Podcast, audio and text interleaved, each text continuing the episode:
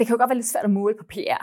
Det med, altså, hvad, hvad, hvad skaber det egentlig resultater? Altså, laver du, laver du marketing for eksempel, hvis du laver online marketing, det gør vi også rigtig meget, men så kan du, så kan du måle, så har du meget klare data på, hvor mange har klikket på det her, hvor, mange er du, hvor, mange, hvor meget trafik har du skabt til vores app.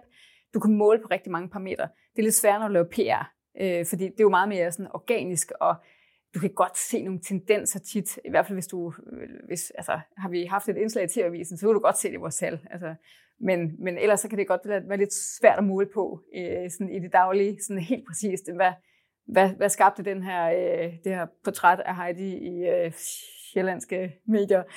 Flytter det noget? Jamen det gør det selvfølgelig i det store billede, men, men det er svært at se sådan fra, lige sådan fra dag til dag, om det rent faktisk har, har flyttet et eller andet. Så det er derfor, altså, når man så pludselig bliver kåret af Time Magazine som en af de 100 mest indflydelsesrige virksomheder i verden, så er det jo sådan lidt, synes jeg, et bevis på, at det virker, det vi laver.